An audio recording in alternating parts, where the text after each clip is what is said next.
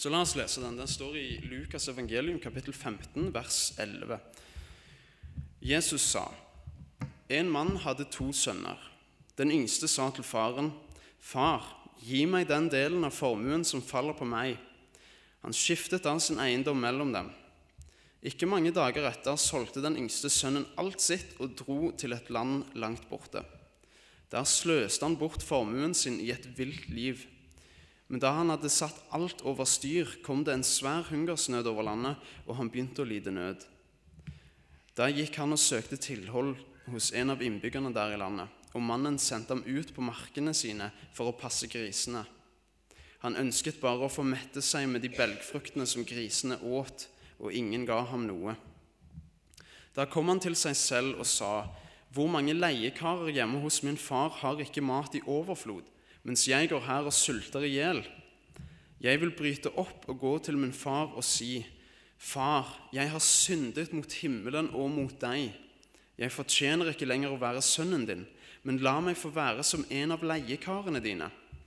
Dermed brøt han opp og dro hjem til faren. Da han ennå var langt borte, fikk faren se ham, og han fikk inderlig medfølelse med ham. Han løp sønnen i møte, kastet seg om halsen på ham og kysset ham. Og sønnen sa, 'Far, jeg har syndet mot himmelen og mot deg. Jeg fortjener ikke lenger å være sønnen din.' Men faren sa til tjenerne sine, 'Skynd dere, finn fram de fineste klærne og ta dem på ham.' 'Gi ham ring på fingeren og sko på føttene.' 'Og hent gjøkalven og slakt den, så vil vi spise og holde fest.' For denne sønnen min var død og er blitt levende. Han var kommet bort og var funnet igjen. Og så begynte festen og gleden. Imens var den eldste sønnen ute på markene. Da han gikk hjemover og nærmet seg gården, hørte han spill og dans. Han ropte på en av karene og spurte hva som var på ferde. Din bror er kommet hjem, svarte han, og din far har slaktet gjøkalven fordi han har fått ham tilbake i god behold. Og Da ble han sint og ville ikke gå inn. Faren kom ut og prøvde å overtale ham, men han svarte faren, her har jeg tjent deg i alle år, og aldri har jeg gjort imot ditt bud. Men meg har du ikke engang gitt et skje så jeg kunne holde fest med vennene mine. Men straks denne sønnen din kommer hjem, han som har sløst bort pengene dine sammen med horer, da slakter du gjøkalven for ham. Faren sa til ham, Barnet mitt, du er alltid hos meg, og alt mitt er ditt. Men nå må vi holde fest og være glade, for denne broren din var død og er blitt levende. Han var kommet bort og er funnet igjen. Eh, den lignelsen her, den gir oss et innblikk i frafallenhet. Du kan si, Det er en annen tid når denne her lignelsen ble fortalt. Det er en helt annen tid. I dag eh, så har det vel ikke vært, eller blitt så unormalt å be om forskudd på arv. huspriser og alt mulig som kan føre til at vi kanskje trenger det. og eh, Det er litt andre tider nå. Men den gangen, kulturelt sett, så var familien alt. Altså, Du, du hadde ingenting annet. Eh, globaliseringa vi lever i i dag, det at du kan ta en flytur på ti timer, så er du omtrent på andre sida av jorda. ikke sant? Det fantes jo ikke den gang. Og, og det å eh, dra bare noen hundre kilometer var jo en flerdagers reise. Eh, og du ble hjemme. Der du vokste opp, der, der ble du. Eh, og hvis du eh, Spesielt hvis du var eldst, så var det eldste sønnen vel å merke, så skulle du overta. Eh, men òg om du var en av de yngre i flokken, så var det ikke unormalt at du ble hjemme og tjente den eldste sønnen.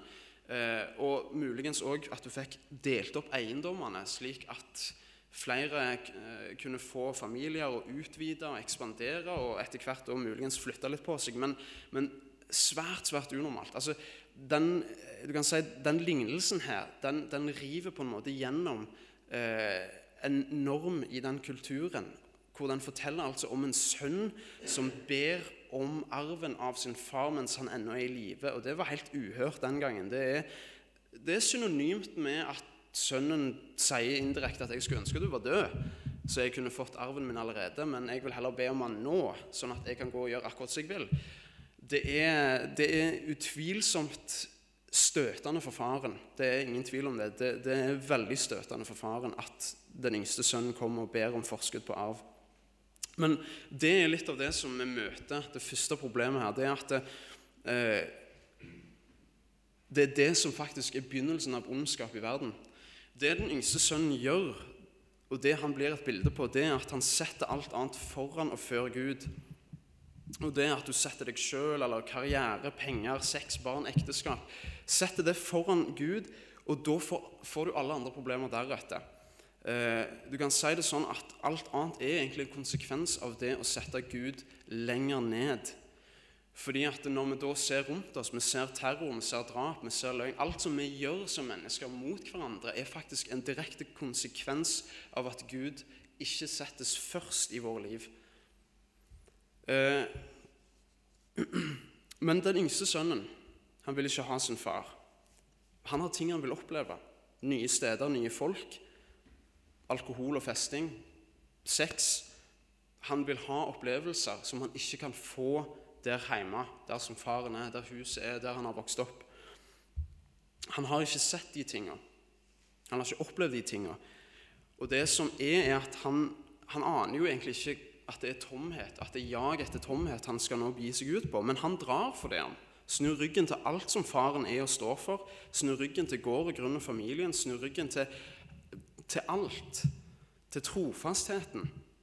Og det som òg er så tragisk å se på, er jo at hans far har gjort alt for ham. Det er jo ingenting han noen gang har mangla. Og det vises jo veldig klart i den teksten at her er det to sønner, begge har vokst opp i trygghet, men han bryr seg døyten. Han skal ut. Han skal vekk. Og det er det som er det interessante. Hvorfor skjer det? Hvorfor drar han vekk? Hva er dette her? Og det er litt sånn det er en interessant frykt jeg får. Litt som når eh, jeg begynte på lokførerskolen. Så hadde vi eh, veldig ofte mot slutten en, eh, noen tematimer hvor vi gikk inn og leste ulykkesrapporter. Eh, og det var egentlig ganske genialt og enkelt. fordi at, altså, Hvorfor ikke lære av andre sin feil? Når du leser ulykkesrapporter, så får du en detaljert beskrivelse av hva som skjedde, hvorfor det skjedde, og forløpet til den gitte ulykka. Det er jo nettopp fordi at vi skal lære av det som har skjedd. Og når jeg hører om noen som styrter i et helikopter, så får jeg litt angst. Spesielt hvis det er profesjonelle piloter. Fordi at du tenker Oi, hvorfor skjedde dette? Hvordan skal jeg unngå det? Hva, hva, var tabben de gjorde? Hva skal jeg gjøre for å ikke begå den samme tabben? Og Det er den samme på en måte, den, den, sneven av angst eller frykt jeg kjenner på når jeg har hørt om mennesker som har falt ifra trua si. Når de havarerer trua si, når den går i stykker. Enten de er veldig profilerte kristne eller de har vært ukjente mennesker. Men uansett så får du den der tanken hvorfor, hvorfor falt de ifra? Hva var det som skjedde? Hvorfor har de snudd ryggen til Jesus? Hva er årsaken til at de nå er ateister eller agnostikere eller kanskje til og med en annen religion, muslimer eller buddhister. Det er en grunn til det. Og, og ikke minst så undrer jeg meg over hvordan det kunne blitt forhindra. Men det som jeg har oppdaga, eh, og spesielt, én type frafallen eh, som jeg har vært mye borti, det er folk som blir ateister. Eh, det som jeg har oppdaga, det er at de har et felles trekk. Og det er at deres grunnleggende forståelse av evangeliet står fullstendig til stryk. Nesten utelukkende. Eh, veldig mange mennesker jeg har, typisk på YouTube, hvor du finner det er mye interessante, gode taler, og så kommer du inn på litt forskjellige ting. og så har jeg truffet på videoer der av, av folk som var kristne en gang i tida, som nå er ateister, så forteller de hvorfor de snudde troa til kristentroa si. Nei, snudde ryggen til kristentroa. Og det som går igjen hos de, er veldig ofte det at de forteller at de gikk i ei kirke, tok del i menighetslivet, var en del av, av eh, hele trosopplegget som vi gjør, utgjør her i dag. Men, men, så er det det at de, alle disse andre kristne som de gikk med For en gjeng med hyklere de var. ikke sant? En gjeng med dobbeltmoralister. Og så har de en sånn greie med at eh, ja, du vet, Det å leve et snilt liv og det er så vanskelig. Og så Jesus og sånt noe, det var så fjernt. så Jeg vil ikke være kristen. Og så alle disse hyklerne. Nei, jeg vil ikke ha noe med det å gjøre. Så de faller ifra. Og det de faller ifra for, det er jo fordi at de tufter ikke troa si på det som faktisk er viktig, men de tufter den på seg sjøl eller på andre mennesker rundt seg. Hvor håpløst er ikke det? Og det de glemmer, det helt essensielle de glemmer, det er at den kirka som vi utgjør, Jesu Kristi kirke, den han lever og ånder for, det som er hans øyensten, det er oss her inne. Det er oss, våre brødre og søstre i troen, samla i menigheter rundt omkring i verden. Oss vi er alltid en gjeng med hyklere og dobbeltmoralister, faktisk. Fordi at vi vil aldri klare å legge det av oss i dette livet her. Og når du vet det, så vil du forstå at ok, det vil alltid være konflikter. Det vil alltid være problemer. Vi vil alltid krasje litt her og der. Det fins ingen som ikke kan unngå å gjøre feil. Men det er det som er at de ser på en måte bare den der at eh, når du er kristen, så skal du være omtrent perfekt og pliktoppfyllende og aldri gjøre feil. For det er ikke lov. Og hvis du gjør det og bryter noen av budene, nei, da er, noe, da er det noe fullstendig galt med hele kristendommen. Men Det de ikke ser derimot, det er jo det som er mirakelet. Det er at gjennom 2000 år så har vi hatt Jesu Kristi kirke her på jord til tross for de vi er. Altså, Vi mennesker, når vi samles om noe, så er vi eksperter på å lage groben for konflikter. Jeg ser det overalt. Jeg ser det på arbeidsplassen min, jeg ser det på skoler, jeg ser det, jeg ser det i menigheter. Fordi at vi har, felles, eh, vi har forskjellige interesser. Og noen har sterkere personlighet enn andre. Og det at vi klinsjer, det er en naturlig del av å være en synder. Sånn er det. Og hvis vi kan akseptere det, så kan vi òg se det at det er et mirakel, Jesu mirakel, at Kirka fungerer så utrolig bra som det han gjør. Det er jo en glede. Det er jo det det er. Og det er det de ofte ikke ser. Eh, det kan høres ut som at jeg svartmaler veldig, men det er bare for å poengtere litt, ikke sant? Og det er, det er noe med det at den gode nyheten i dette er jo at vi slipper å være bekymra for kirkas framgang. At vi skal bære det, at vi skal holde fast på troen på absolutt alle mennesker. Vi vil jo det. Vi vil jo at alle skal holde på troa si. Men tenk deg hvis det var slik at Gud, for at vi skulle bli frelst, så slapp han en taustige ned fra himmelen. Og Du måtte være minst 1,95 høy for å klare å komme deg opp i den taustigen. Jeg hadde ikke klart det. Og du kan si, Da er det kun de som hadde trukket vinnerloddet, som hadde klart å hive seg opp i den taustigen. Eh, det var akkurat de som ble født inn i en god moralsk familie, med snille foreldre som fikk en skikkelig god oppvekst og ikke havna på kjøret. Det var de som hadde hatt en sjanse. Men det er det som er at det er akkurat der kristendommen står i rake motsetning til alle andre religioner. Og det er den tingen at Jesus kommer ned, og istedenfor at vi må klatre opp, så klatrer han ned. Det er det essensielle. Det er det de veldig ofte ikke ser, de som faller ifra.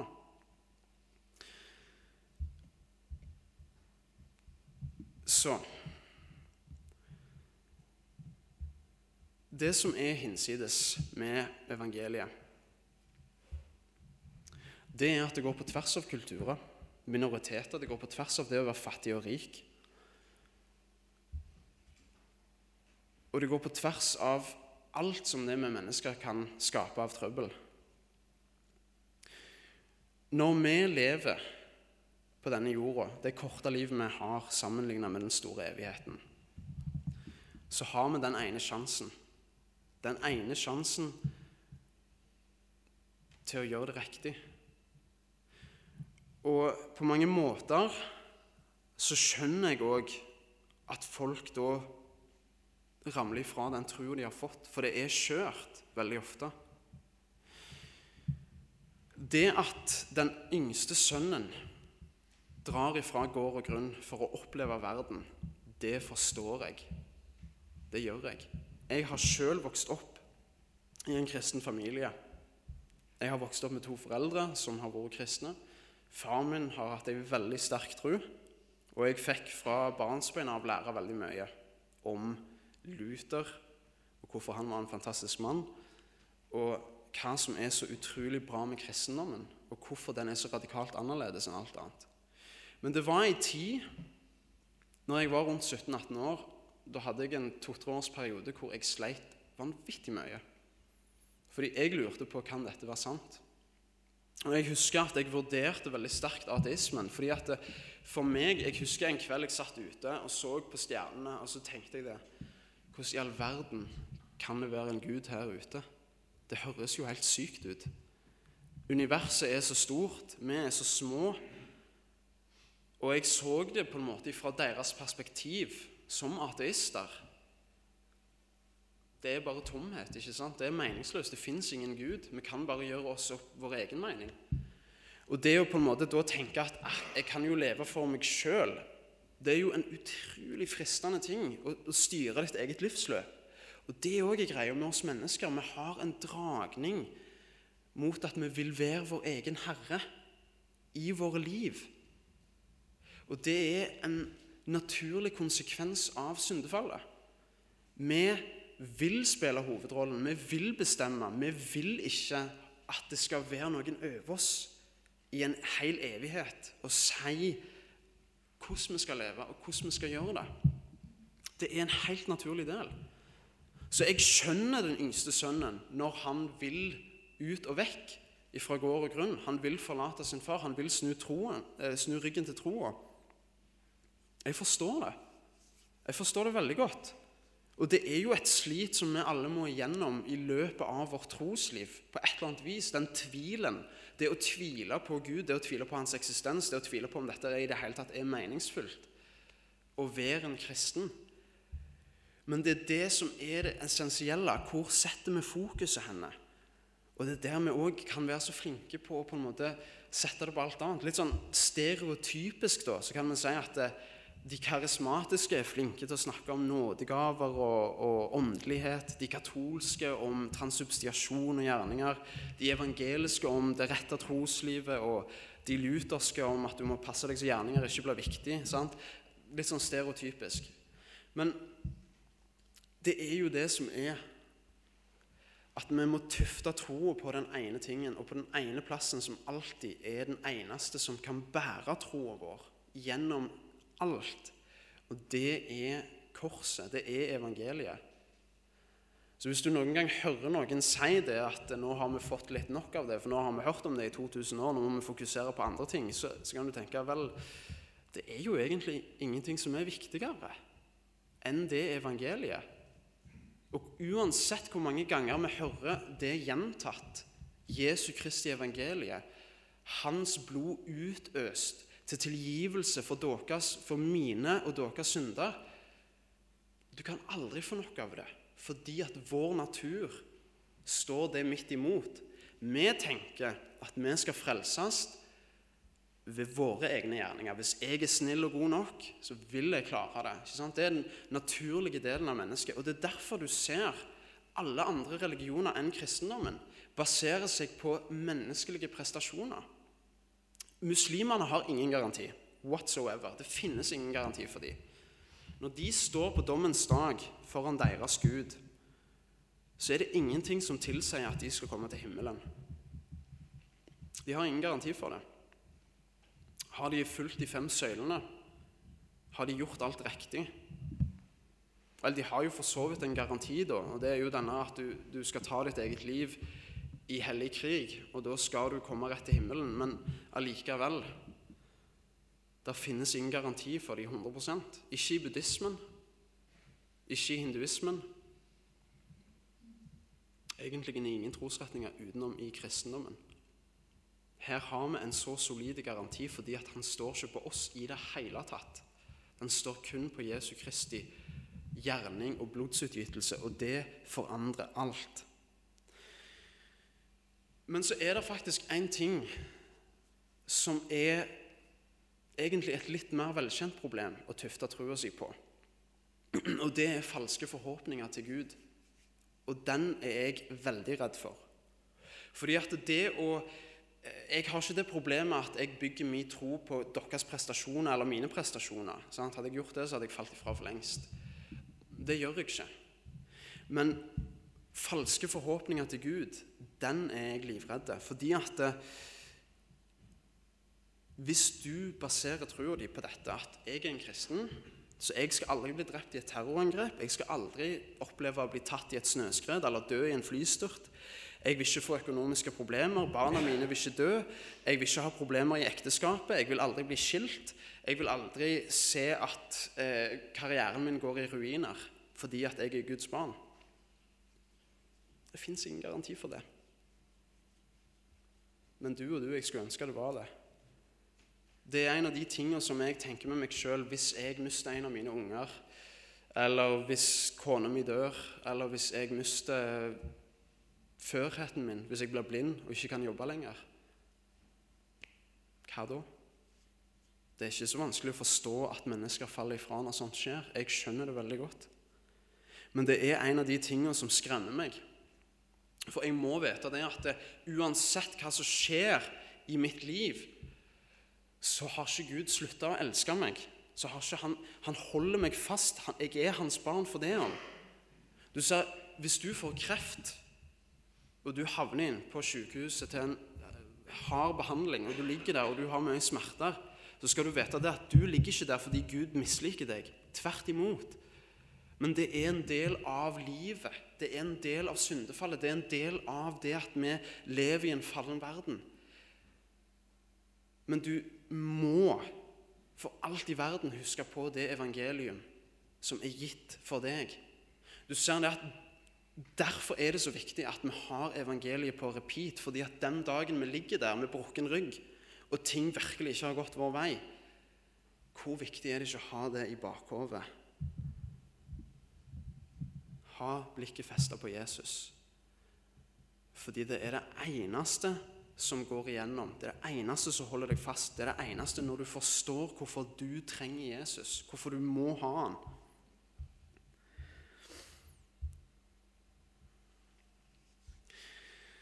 Nå, Slutten av denne lignelsen er noe av det mest interessante. Fordi at eh, den tar for seg noe som mange Altså, vi, vi kan historien. Den yngste sønnen kommer hjem, og faren steller i stand en stor fest for ham. Det er jo en glede. Han får sin sønn tilbake. Eh, og det, det, er ingen tvil om at altså, Alle forstår det. Du trenger ikke engang ha vært forelder for å forstå det at noen som du elsker og er glad i, kommer tilbake igjen til deg og har på en måte behov for deg igjen. Så han, faren, tar den fineste, feiteste kalven som er forbeholdt spesielle anledninger, og slakter den og steller i stand en fest. Og han gir han ringer og nye klær og sørger for at eh, den yngste sønnen virkelig skal få se hvor mye han betyr for sin far. Og Det bildet der er utrolig sterkt. Fordi Det er det samme bildet. Det er et bilde på dere, på meg og på Guds forhold til oss. Hvor han ønsker at vi alle skal komme til sannhetserkjennelse. Komme tilbake til han og være hos han. At han, han slakter det fineste han har, sin egen sønn, for at vi skal få komme til frelse og til evigheten. Han sparte ikke engang sin sønn for oss. Men den eldste har veldig mye imot dette her. Den eldste sønnen er ute på marka, nærmer seg huset, og han hører at det er en fest. Spør en av tjenerne hva som skjer her. Han sier det. Broren har kommet hjem igjen, og faren har nå slakta kalven og holder en stor fest, for hans sønn, hans fortapte sønn har kommet tilbake. Og han reagerer med å bli sint. Når vi ser på dette bildet her Det er et veldig sterkt bilde. Det er, Hvis vi sammenligner med andre lignelser i Bibelen, så kan du si at det, den, det huset med festen representerer evigheten og himmelen. Og marka utføre er fortapelsen. Den eldste sønnen nekter å gå inn i huset. Så det ender opp med at faren kommer ut for å møte ham for å prøve å overtale ham med seg inn. Han sier det. 'Kom og vær med, sønn.' Han, han, han, på en måte, han eh, frir til han basert på den inderligheten han føler for han. 'Du er min sønn. Du òg, sønn. Mitt barn.' Men han velger faktisk å stå utføre der. Han er rasende på Gud. Han velger å stå utenfor evigheten fordi at han har tjent Gud hele sitt liv. Han har stått på dag og natt, men Gud, du har ikke gjort noe for meg. Ikke på den måten jeg vil det. Det er det den eldste sønnen sier til sin far. Jeg har tjent deg hele livet. Jeg har gjort akkurat som du sa. Jeg har aldri veket verken til høyre eller til venstre. Men det er den yngste sønnen, han, den horebukken, den drittsekken som har ødsla bort pengene dine. Det er han du steller i stand en fest for. Forståelig nok at han blir sint, men han glemmer jo det at det er jo faren sine eiendeler. Det er jo faren sitt hus. Det er jo faren sitt alt i sammen. Og de er, Det er på en måte et bilde på fariserene. Hvordan når Jesus kommer Og de ser at Jesus går til syndere og tollere og bringer godt nytt evangelium og helbredelse til dem, at de reagerer med sinne. Ikke sant? Og de vet med seg sjøl at han er noe mer enn bare en profet. De vet det veldig godt. De vet det sinnssykt godt at dette her er noe mer. Jesus er ikke bare en hvilken som helst. Men de blånekter for å innrømme noe. Og når de ser på Jesus, så sier de det. Ja, det er med de onde ånder at han gjør gode ting. ikke sant? Men de vet at det ikke er det. De vet det så godt at det ikke er det. De snur ryggen til en Gud som står med åpne armer til dem, fordi at de ønsker at Gud skal være akkurat sånn som det passer deg. Han skal slettes ikke gå til de der syke, de fattige, de som ikke er velsigna av Gud. De setter forventninger til hvordan Gud skal være. Og det er et ganske alvorlig problem. Vi har nå sett på forskjellige årsaker til at folk faller ifra. Både det at du har lyst til å oppleve ting i verden, eller til det at eh, du har forventninger til andre mennesker i troslivet rundt deg, og det går ikke så bra, og dermed så faller du ifra. Eller at du har forventninger til at når du er en kristen, så skal livet ditt være sånn og sånn, og Gud skal ikke tillate at vonde ting skjer med deg. Eller at du har forventninger til akkurat hvordan Gud skal være. Alle de tingene er problematiske. Fordi at eh, hvis du tufter det på noe sånt noe, de tru, så har du lagd huset ditt på sand, som Leif nevnte i begynnelsen. Hva er da medisinen? Jo, jeg har nevnt allerede. Medisinen er noe som Peter nevner i Johannes evangelium kapittel 6. Jeg skal lese den, for er, jeg, jeg, jeg, jeg, gjentar dette veldig ofte fordi det er så fantastisk. Du ser, Johannes kapittel 6, Johannes evangelium kapittel 6 Det er eh, veldig, veldig langt avsnitt, langt kapittel, hvor Jesus snakker om at han er brød fra himmelen. Han snakker egentlig veldig støtende ord. Um, og utrolig mange går fra han, altså forlater han. De sier det. Hvem kan høre på dette? Dette er harde ord. Og så står det helt i slutten av Johannes kapittel 6 står det, Etter dette trakk mange av disiplene seg unna og gikk ikke lenger omkring sammen med ham. Da spurte Jesus de tolv, Vil også dere gå bort? Simon Peter svarte, Herre, hvem skal vi gå til? Du har det evige livs ord, og vi tror og vet at du er Guds hellige. Hva er det Peter sier? Ganske direkte. Du er alt vi har. Du er alt vi har. Hvem skal vi gå til? Hvis vi snur ryggen til deg eh, Jeg har det gamle livet mitt. Kan drive med fisking, men jeg har egentlig ingenting utenom deg. Og Peter har kommet til et punkt hvor han innser at det eneste han har for evigheten, er Jesus. Han har begynt å komme til den erkjennelsen At du har livets ord. Du er sannheten, veien og livet.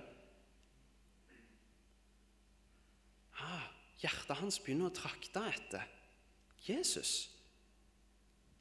Så det, det som er med evangeliet, er at hvor mer vi ser på det, hvor mer vi studerer det, hvor mer vi skjønner hvor ufattelig det er, hvor større er sannsynligheten for at vi blir værende hos han. Fordi vi skjønner at dette trenger vi. Det er det som er så utrolig med Gud. En treenig Gud som eksisterer i evigheten. Hans behov for oss er ikke der. Han trenger oss ikke. Men han ønsker å skape oss. Han gjør det. Han bringer oss inn til livet. Han puster liv i oss og skaper oss i sitt bilde. Og så, så faller vi fra. Så snur vi ryggen til han. Vi synder mot han. Ikke sant? Og det får konsekvens for hele menneskeheten. Der fins ingen grunn til at Gud skal redde oss. Ingen som helst overhodet. Og Gud har absolutt all rett på sin side til å hive oss alle i fortapelsen. Og det er rettferdig basert på hans standard. Helt rettferdig. Vi kan si at det virker veldig urettferdig å sende mennesker fortapt. Men per juridisk definisjon så er det han som har skapt oss, og vi har brutt hans bud. Og han trenger oss ikke. Han har fullkomment samvær, kjærlighet, kommunikasjon i treenigheten, i Guds hode, dette store mysterium som vi ikke forstår fullt ut. Men der er Faderen, Sønnen og Den hellige ånd. De har fullkomment samvær. Trenger oss ikke. Det er derfor det er så hinsides, da. At Sønnen påtar seg skjøtet og blir en del av oss. Ikke nok med at han blir en del av oss, men han går inn i lidelsen. Frontalangrep inn i tilværelsen, blir født inn i en fattig familie. Så fattig at ved manntallet i Betlehem så må de ligge bak i et skur i en stall med dyra.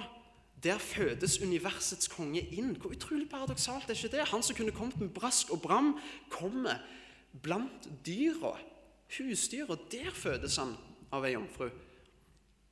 Og så vokser han opp fattig og lærer seg et menneskelig yrke. Han svetter, han kjenner på hvor hardt arbeidet er. Han går helt inn i det å være et menneske. Fullstendig inn i det. Og så til de grader at når han da kommer til korset, så stopper han ikke der. Men han lar mennesker drepe han. Og han utøser sitt blod for at vi skal komme til frelse, for at vi skal komme til evigheten. Og det fins ingen grunn for han å gjøre det, annet enn at han vil. Annet enn at han ønsker det. Det er det som er så sykt med evangeliet. Det er det som er så mind-blowing. Det er det som er så utrolig med det. Og det er det når fokuset ditt står på han og på det han har gjort for deg. Og hans ufattelige kjærlighet for meg og deg, som vi aldri fortjente.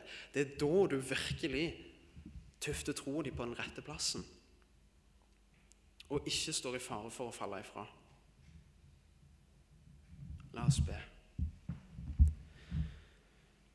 Kjære himmelske Far. Det er så mange ganger vi i løpet av våre liv absolutt ikke ser og absolutt ikke får med oss det som du har gjort for oss, den nåde du har vist oss, at du sendte Sønnen til oss for at vi skulle få slippe fri. Jeg ber for alle oss her inne, Herre, at du åpner våre øyne for evangeliet. At vi får se den storheten at du har satt oss fri. At alt er båret av deg. Hele frelsen, hele ditt verk, det bærer du, Herre, alene. Og vi får lov til å tro på det og være fri. Og Herre, jeg ber om at du kommer med din nåde over oss At du bærer oss hos deg og hjelper oss i vårt strev, i vår tvil på deg. Når livet er hardt og vi lurer på om du i det hele tatt er med oss, kom du, Herre, og vær med oss da. La oss få kjenne på det at du er nær. Amen.